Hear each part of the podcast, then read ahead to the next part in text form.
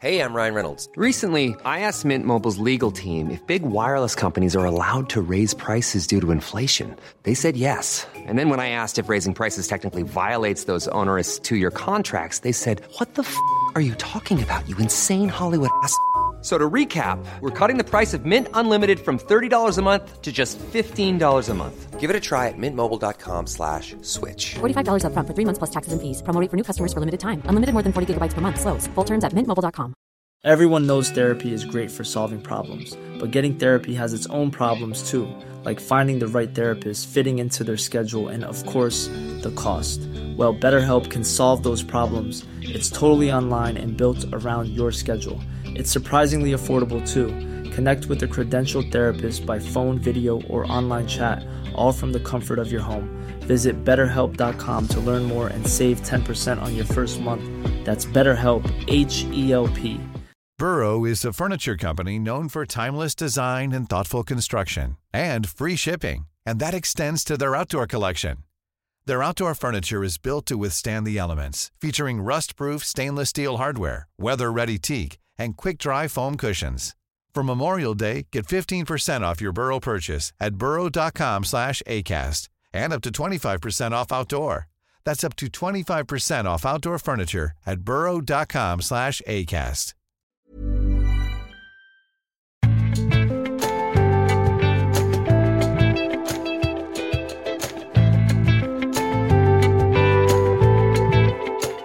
Er Gud nødvendig for å begrunne moral?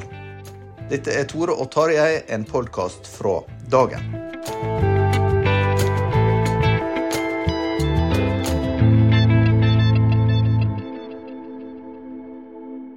I dag er ikke Tarjei Gilje med, men jeg, Tore Hjalmar Sævik, eh, sitter her digitalt med en som nå eh, blir medlem i en relativt eksklusiv klubb. Og det er du, Espen Ottosen, som eh, er gjest for andre gang i Tore og Tarjei. Ja, jo, takk for det. Det ser jeg stort på. Så eh, det, der er noen flere, men, eh, men det er ikke så veldig mange. Så velkommen tilbake.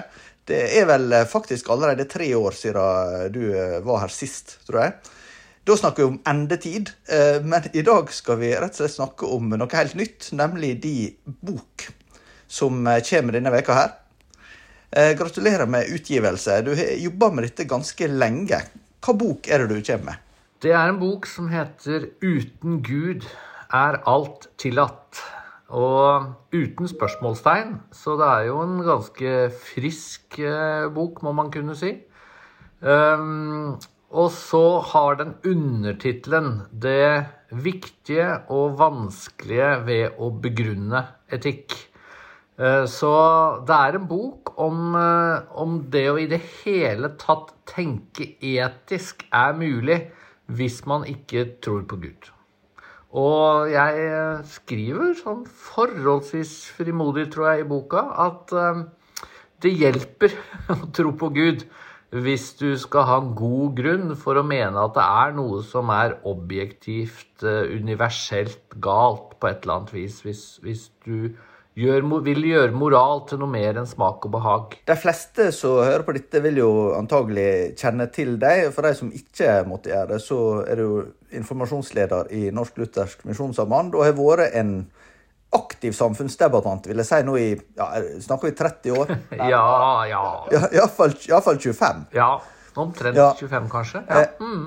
Og, og så lurer jeg på, når det gjelder det å diskutere etiske spørsmål, er det noe som har endra seg, som gjør at du ser behov for en sånn bok, eller større behov for en sånn bok nå enn da du dukka opp på norske TV-skjermer sent på 90-tallet? Ja, det vil jeg nok absolutt si. Eh, altså kristen etikk, og kanskje særlig tradisjonell kristen etikk eller konservativ kristen etikk, opplever jo mer motgang og motstand og motvind eh, enn før.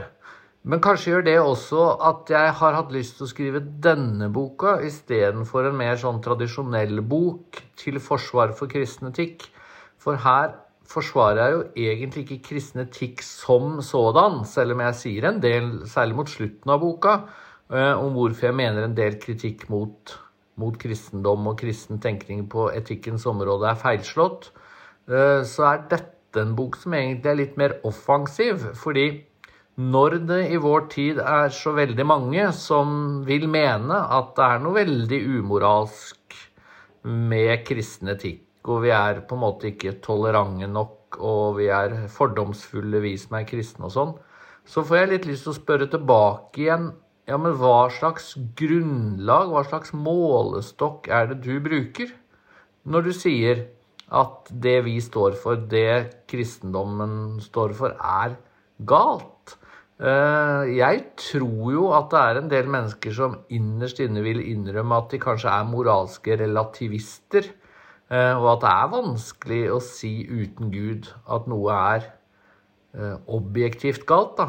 Men de snakker som om at, at det er litt opplagt at deres moral det er den som er fremtidsretta og sann og riktig.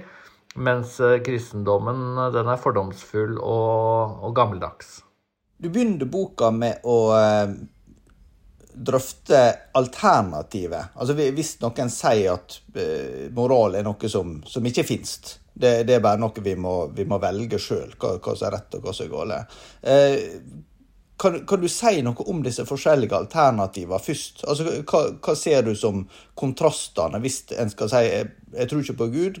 Hva valg har du i stedet, da? Ja, ja, for det syns jeg er veldig eh, interessant. Og det, og det, er jo det jeg har jobba med en del år, og prøvd å lese meg litt opp på. Prøve å systematisere i boka også. For, for det er jo slik at hvis du avviser Gud, og ikke vil ha, koble moral til Gud, så fins det flere alternativer. Alternativ én, det er jo å si at det fins en objektiv moral uh, uten Gud. Uh, og, og, jeg bruker ganske mye plass på å undersøke hvordan de argumenterer, da, som prøver å si f.eks. Uh, at det er, går an å argumentere rent vitenskapelig. Uh, rent naturvitenskapelig, kanskje, eller mer sånn rasjonelt, fornuftsmessig, for at ditt eller dalt, uh, ditt eller datt er galt. Uh, og, og, og, jeg mener å vise at de argumentene ikke holder. Og så har jeg litt lyst til å si dessverre, for jeg heier jo på alle som tror på en objektiv moral. Jeg tror det er viktig å tro på en objektiv moral. Uh, men jeg tror ikke det, det helt fungerer å tro på en objektiv moral uten Gud. Uh, og så er det jo da noen som vil si det, uh, som innrømmer at uh, det er vanskelig å tro på en objektiv moral uten Gud. Og de kommer også kanskje i to grupper. du har noen som syns det er ganske ubehagelig å måtte innrømme at sånn er det. noen som f.eks. sier at evolusjonslæren forteller oss jo at alle våre instinkter, eh, og også moralske instinkter og moralske perspektiver, er egentlig et resultat av at vi mennesker er avanserte dyr som har utvikla oss i en del millioner av år. Og, og, da er det litt sånn opplagt, kanskje, i hvert fall for noen, at, eh, at da er jo ikke våre moralske instinkter rette eller gale. Eh, de, de bare ble sånn. Og så får vi være held, så er vi takknemlige fordi folk stort sett er ganske empatiske. Eh, og så har du noen, og det syns jeg er den skumleste gruppa, som syns det er fantastisk fint at det ikke finnes noen objektiv moral. Da kan vi bry oss katten om eh, moralske retningslinjer. Da kan vi kalle alt som handler om etikk og moral, for moralisme. Eh, og da kan vi egentlig jakte på vår egen lykke eh, og bare glemme alt det som begrenser. Og det, det syns jeg er en ganske skummel tankegang. Men de fins, og jeg skriver en del om den tankegangen også. Men er det ei, eh, en måte å tenke på som du ser også gjør seg gjeldende i samfunnet, eller er det mer på et teoretisk plan? Altså I samfunnsdebatten så ser jeg veldig lite av det. Og det syns jeg er fascinerende. Eh, og jeg prøver å analysere det litt også i boka. Fordi, fordi som sagt, jeg tror det er ganske mange som innrømmer at, eh, at det er ikke lett å finne plass for en objektiv moral uten Gud. Men altså, hvis du virkelig skal si at det ikke finnes noen objektiv moral, så gjelder jo det også for eh, folkemord. Det gjelder for det å utsette noen for menneskehandel.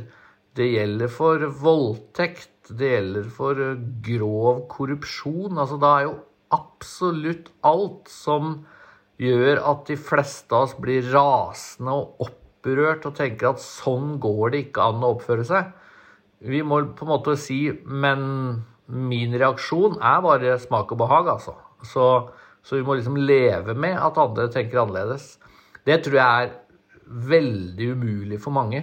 Men så er det fascinerende at det, det fins noen likevel som, som, har en slags sånn tanke om at um, At kanskje skal vi bare forkaste all, all moral. Uh, jeg skriver bl.a. om en evolusjonspsykolog fra England som skrev en bok for et par år siden, uh, hvor budskapet hans er uh, at moral holder oss tilbake det er eh, Og derfor, altså, du, du, blir mer suksessfylt, og du blir mer vellykka, og alt blir egentlig veldig mye bedre hvis du forkaster, forkaster all moral. Uh, han heter Jeg kan jo ta navnet hans òg. Han heter altså Chris Paley. Uh, og, og når jeg leste han, da ble jeg litt skvetten. Ehm, men, men, jeg Og det er kanskje noe av det jeg frykter mest. da, At den type tankegang liksom får vind i seilene. Men han vil vel ønske at han kan stole på eh, folk han handler med, f.eks.? Ja, det tror jeg og håper. Men han skriver jo faktisk i boka si at det, forskning viser at de som ikke bryr seg så veldig mye om å ta hensyn til andre, de blir mest vellykka. Ehm, så, så eh, Han har en ganske sånn skremmende tankegang. Men, men, noe av det som gjør det vanskelig å snakke om moral, det er jo at moral Det lønner seg jo ofte å fremstå ganske moralsk. Han skriver også det et sted at kvinner de liker hjelpsomme menn. Så derfor, eh, selv om du ikke er hjelpsom, så kan du godt prøve å fremstå hjelpsom. Det er et kjempesjekketriks. Eh, og det tror jeg Chris Paley også mener på mange områder. At, at moral i betydningen det å fremstå som et ganske sånn skikkelig menneske som du kan stole på, det er jo smart. Altså, du, du, du gjør neppe karriere hvis uh, sjefen din opplever at du er en unnasluntrer, og kundene dine opplever at du aldri holder ord. Men, men, da blir jo moral egoisme eh, igjen, da. Så hvor mye hjelper det egentlig? Det, kan man jo diskutere. Hvor har du inntrykk av at uh, etiske vurderinger kommer fra, eller hvor kommer etiske ideal ifra i, i, vårt samfunn?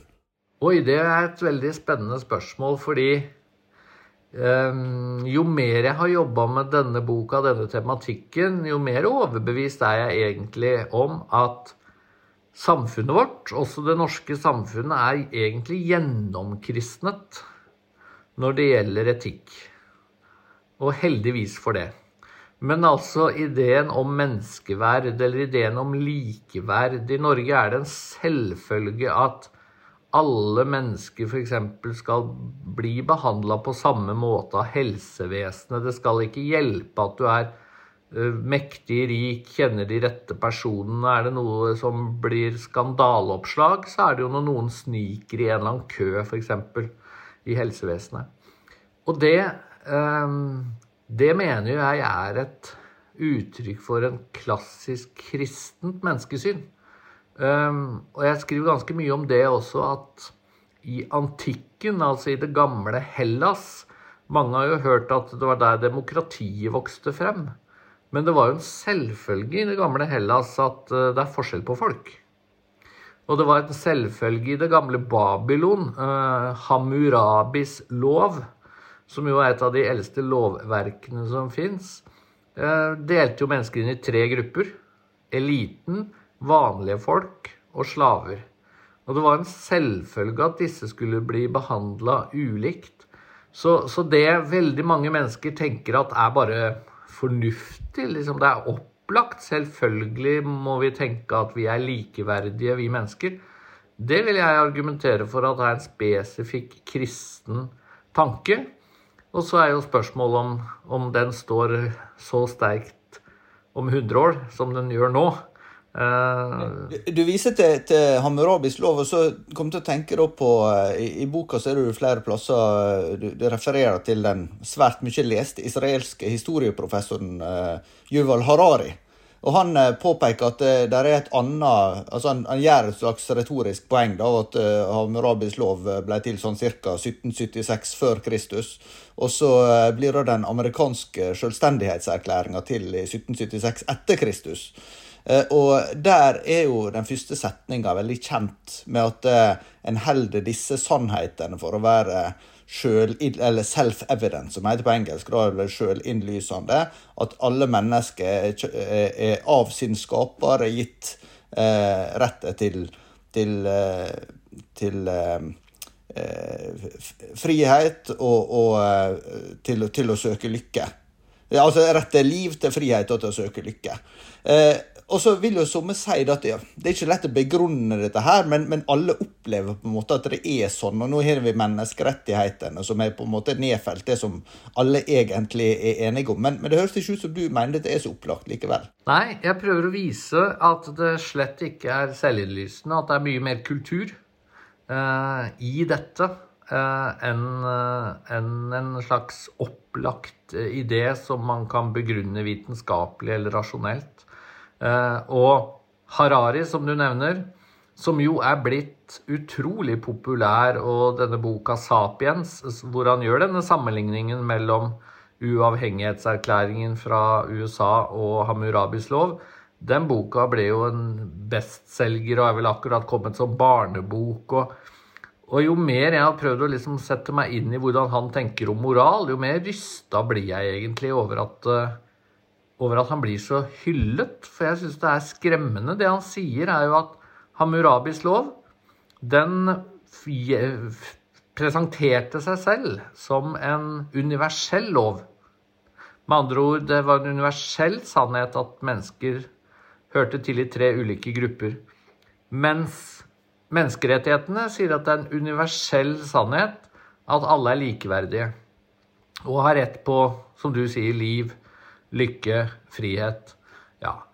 Og så sier eh, Harari at eh, begge lovene tar feil.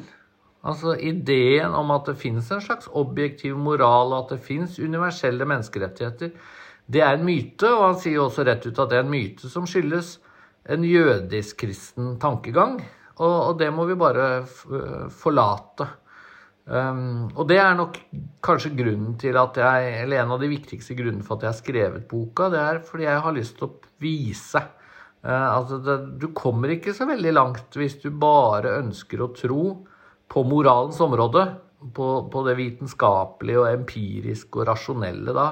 Det er ikke noe mer uh, opplagt at mennesker er likeverdige som at vi er forskjellige. Eh, naturvitenskapen vil jo si at vi er veldig forskjellige. Eh, så, så sånn sett så, så, må du ha noe annet for å snakke om likeverd. Du er også inne på et uh, kjent poeng fra C.S. Lewis i Mere Christianity, den boka som på norsk heter 'Se det i øynene', der han skriver om denne forestillinga om den rette linje. Og, Den kan jo legges ut som at en, en tjuv kan stjele fra alle andre og tenke at det er helt greit, men så stjeler noen fra han og da sier han, 'hallo, dette her går ikke an'. Uh, er, er, det sånn at du tenker det er nesten et apologetisk, eller et forsvar for kristen tro sin troverdighet, at mennesket har sånn et sånn instinkt, om en skal kalle det det, eller forventning om at uh, det er visse regler som, som er forventa blir overholdt?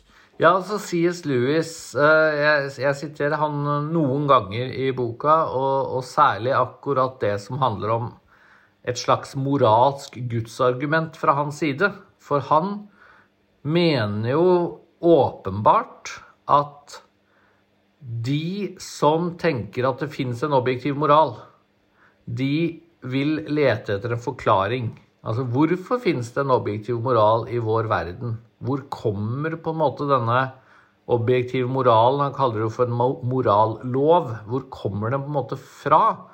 Og så vil jo han si at den, den beste forklaringen, den som gir mest mening, det er at, eh, at den må være en gud som har skapt oss med en samvittighet og med en opplevelse av at det fins en objektiv moralsk målestokk som vi kan uh, undersøke livet vårt ut ifra. Eh, og jeg er veldig sympatisk til den ideen, og på mange måter så er kanskje boka mi en slags eh, oppgradert eh, versjon av det argumentet. Um, fordi C.S. Lewis, når han skrev denne boka rett eller den, den, er jo et resultat av foredrag under annen verdenskrig, så det begynner å bli noen år siden. Og, og, noe av det jeg syns er veldig interessant, er at argumentasjonen hans holder like bra i dag, tenker jeg. Kanskje bedre, fordi at um, nå er det gått da 80 år siden han skrev den boka, og fortsatt så har ikke ateister og skeptikere klart å lage en objektiv moral, eller begrunne en objektiv moral uten Gud, på en særlig anerkjent og holdbar måte. Samtidig så vil en del si at ja, men kristne har også gjort og meint veldig mye forskjellig, og veldig mye som få kristne i dag vil forsvare. Og Det kan gjelde alt fra at det tok så lang tid før en faktisk avskaffa slaveriet, til at en eh, gikk så lenge før kvinner fikk stemmerett, eller at en har eh, ja, Korstoga nevnte du sjøl. Altså at, det, at det, det, virker som at gudstro i seg sjøl ikke garanterer eh, at, at en oppnår på en måte en etisk standard som, som er god. da. Ja, og det er jo et veldig godt poeng som jeg også prøver å få klart fram. Altså, jeg tror det er viktig å tro på en objektiv moral. Og jeg tror den beste forklaringen på en objektiv moral er Gud. Men så er det mye mer å si enn det, hvis man da skal forklare hvorfor er noen umoralske, hvorfor er noen kjempeumoralske, og hvorfor er noen ganske greie, hyggelige og fine mennesker. Ehm, det er masse mennesker som nok tror både på Gud og på Jesus og på en objektiv moral, eh, og som har svikta grunnleggende. Eh, og dessverre så har jo Kirken opp gjennom historien eh, ganske mye på samvittigheten som viser at man altså Det er min tolkning, da, at man kanskje ikke har latt seg inspirere i så stor grad av Jesu eksempel om å elske fiendene våre og vise nestekjærlighet, men er blitt preget av en, en annen tankegang.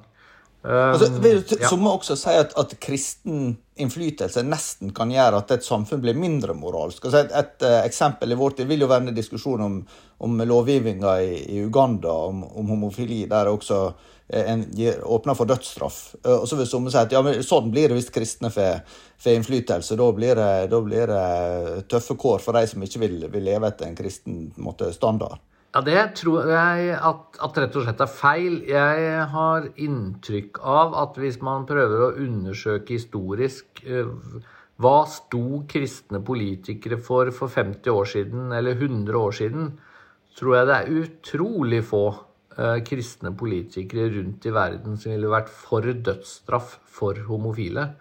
Så um, da, jeg syns det er skremmende, det som skjer i Uganda. Og, og det jeg ikke rett og slett ikke forstår med akkurat den logikken der, er at hvis man skal ha dødsstraff for homofili, eh, fordi det er på en måte i strid med kristen moral, skal man også da ha dødsstraff for utroskap, som heterofile begår. Jeg er jo redd for at her er det en slags sånn dobbeltstandard, og man peker ut homofili som noe helt, helt spesifikt. Men, men, eh, det er jo ingen tvil om at vi er som kristne også preget av vår tid. Det er ingen selvfølge å, å utforme en, en moral som, som, er i samsvar med Bibelen. Eh, det mener jeg vi skal strekke oss etter. Og, og så tror jeg at vi At alle kulturer, sikkert vår også, har jo blindsoner. Og, men, men, boka mi handler jo ikke så mye om disse spesifikke etiske temaene. Det er en mer sånn grunnleggende bok om det i det hele tatt gir mening å snakke om vondt og godt og rett og galt. Og jeg tror liksom det fundamentet må på plass da, før man kan gå inn i disse detaljdiskusjonene, som selvfølgelig er viktige nok. Når det gjelder et kristent alternativ, hvordan utformer man egentlig kristen etikk? Det har du sikkert tenkt mye på når du jobber med dette. På mange måter, og samtidig så, så tenker jeg jo at, um, at det også blir litt på utsiden av uh, boka. Fordi um, jeg kommer ikke så veldig mye lenger i boka enn å si at uh, man trenger Gud som et fundament. Og det er fordi vi trenger å få Eller vi trenger å ha en målestokk utenfor mennesket som sier noe om rett og galt, og som holder oss ansvarlig. Og så tror jeg jo, og nå kan jeg kanskje høres ut som en liberal teolog, men det får våge seg. Jeg tror jo faktisk at, um, at det å bare tro på selve det dobbelte kjærlighetsbud, altså det å elske Gud og elske sin neste som seg selv, altså det får enorme ringvirkninger.